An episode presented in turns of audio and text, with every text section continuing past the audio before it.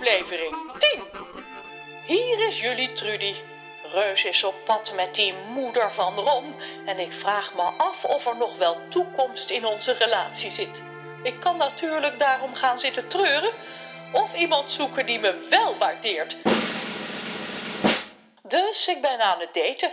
Morgen heb ik afgesproken met de snoepbaars uit de sloot naast de buurtsuper. Dat zal je leren, Reus. Waarom denkt u dat ik een oplichter ben? vraagt de heilige kakka nog een keer. De moeder van Ron kijkt zenuwachtig om zich heen en krijgt een kleur. Dat, eh, denk ik helemaal niet.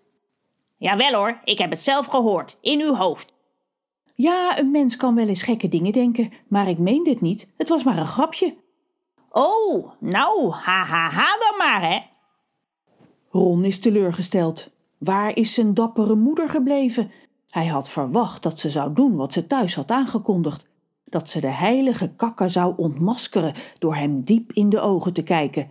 Bij Reus had ze dat toch ook gedaan? Waarom durfde ze wel een enorme man te onderzoeken op mistogen en was ze bang voor een vogel die met gemak in haar tas paste? Wat maakt het uit wat die vrouw denkt? Er zijn belangrijker zaken, broertje, zoals mijn kraaienkracht. Alles op zijn tijd, kraai, dat komt later wel, zegt Reus. Want heilige kakka, u heeft gelijk, deze dame maakt zich inderdaad zorgen over de manier waarop u zaken doet. Is dat zo? De heilige kakka kijkt Rons moeder vals aan en ze slaat haar ogen neer, terwijl haar wangen nog roder worden. Maar daar staat ze niet alleen in. Wij vinden allemaal dat u een te groot risico neemt. Iemand voor veel geld kraaienkracht verkopen, terwijl u het diegene niet echt gunt, zorgt voor problemen. Oh ja? Ja, want daardoor krijgen uw klanten kraaienkracht die niet goed werkt. Ze horen de gedachten van anderen verkeerd. Door die misgedachten ontstaan er misverstanden. En dan krijgen ze ruzie. Precies, fluistert Rons moeder. Denk jij daar ook zo over, schattenbout? De heilige kakka graaft zijn klauwen dieper in de schouder van zijn butler, maar verder blijft hij onbewegelijk zitten. Hij lijkt precies op zo'n nepkraai die je in het tuincentrum kunt kopen om als vogelverschrikker op je balkon te zetten, vindt Ron. Dat zeg ik als je mij geholpen hebt, antwoordt Kraai. En noem maar geen schattenbout. Oh, meneer. De heilige kakka knijpt nog harder met zijn klauwen in roel, maar zijn stem blijft poeslief. Ik kan je gedachten niet horen, schattenbout. Uh, oh, sorry. Waarom laat je me er niet in? Je hoeft toch niets voor je broertje te verbergen? Mijn kop is privéterrein. Waarom kan de heilige kakka je gedachten niet horen? vraagt Ron. Ik denk aan het weer. Werkt altijd. Ron ziet meteen een regenbui voor zich. Hij vindt het altijd leuk om hard door de plassen te fietsen. Je wordt bedankt, schattenbout. Nou zit ieders kop hier vol weerberichten en hoor ik niks meer. De heilige kakka vliegt van Roels schouder en landt vlak voor de voeten van de moeder van Ron. De butler kijkt opgelucht. Mevrouw, niet bang zijn. Ik heb een voorstel. Oh, uh, oké. Ik heb van uw gedachten vernomen dat u directeur bent van een spaghettifabriek. Want u dacht net niet alleen dat ik een oplichter ben, wat ik uiteraard niet ben, maar u dacht ook, wat heeft die kraai een mooi huis, dat zou ik niet kunnen betalen, ook al ben ik directeur van een spaghettifabriek. Ja, daar heeft u gelijk in. U heeft een prachtig huis. Dank u. Stel dat u ook zo'n huis zou kunnen bezitten, met een zwembad erbij, wat standbeelden in de tuin, een butler en een kok. U zou zelfs een diamanten rugkrabber kunnen hebben. Lijkt u dat wat? De krabber is zojuist bezorgd, meneer, meldt Roel. Hij haalt een pakje onder zijn jasje vandaan. Waar wacht je nog op? snauwt de heilige kakka. Roel maakt het pakje open en de rugkrabber komt in al zijn glans en glorie tevoorschijn. Aan het uiteinde zit een miniatuurhandje dat schittert in de zon. Ron staart daarnaar en het geglinster doet pijn aan zijn ogen.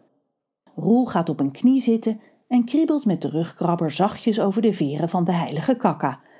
Bent u nu niet jaloers op mij? vraagt de kraai aan Rons moeder.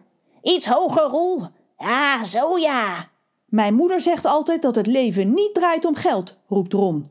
Hou je mond, jongen. Laat haar zelf antwoord geven. Roel, niet zo hard. Wat meer geld zou wel fijn zijn, zegt Rons moeder. Zie je wel? De heilige kakka kakelt een voldaan lachje. meer geld is zeker fijn. Waarom komt u niet voor mij werken als manager van dit kraaienkracht-imperium? Ik betaal u het dubbele van wat u nu verdient. Wat zeg ik? Het driedubbele. Dan heeft u voordat u het weet een villa met oprijlaan. Wat moet ik dan doen? vraagt Rons moeder.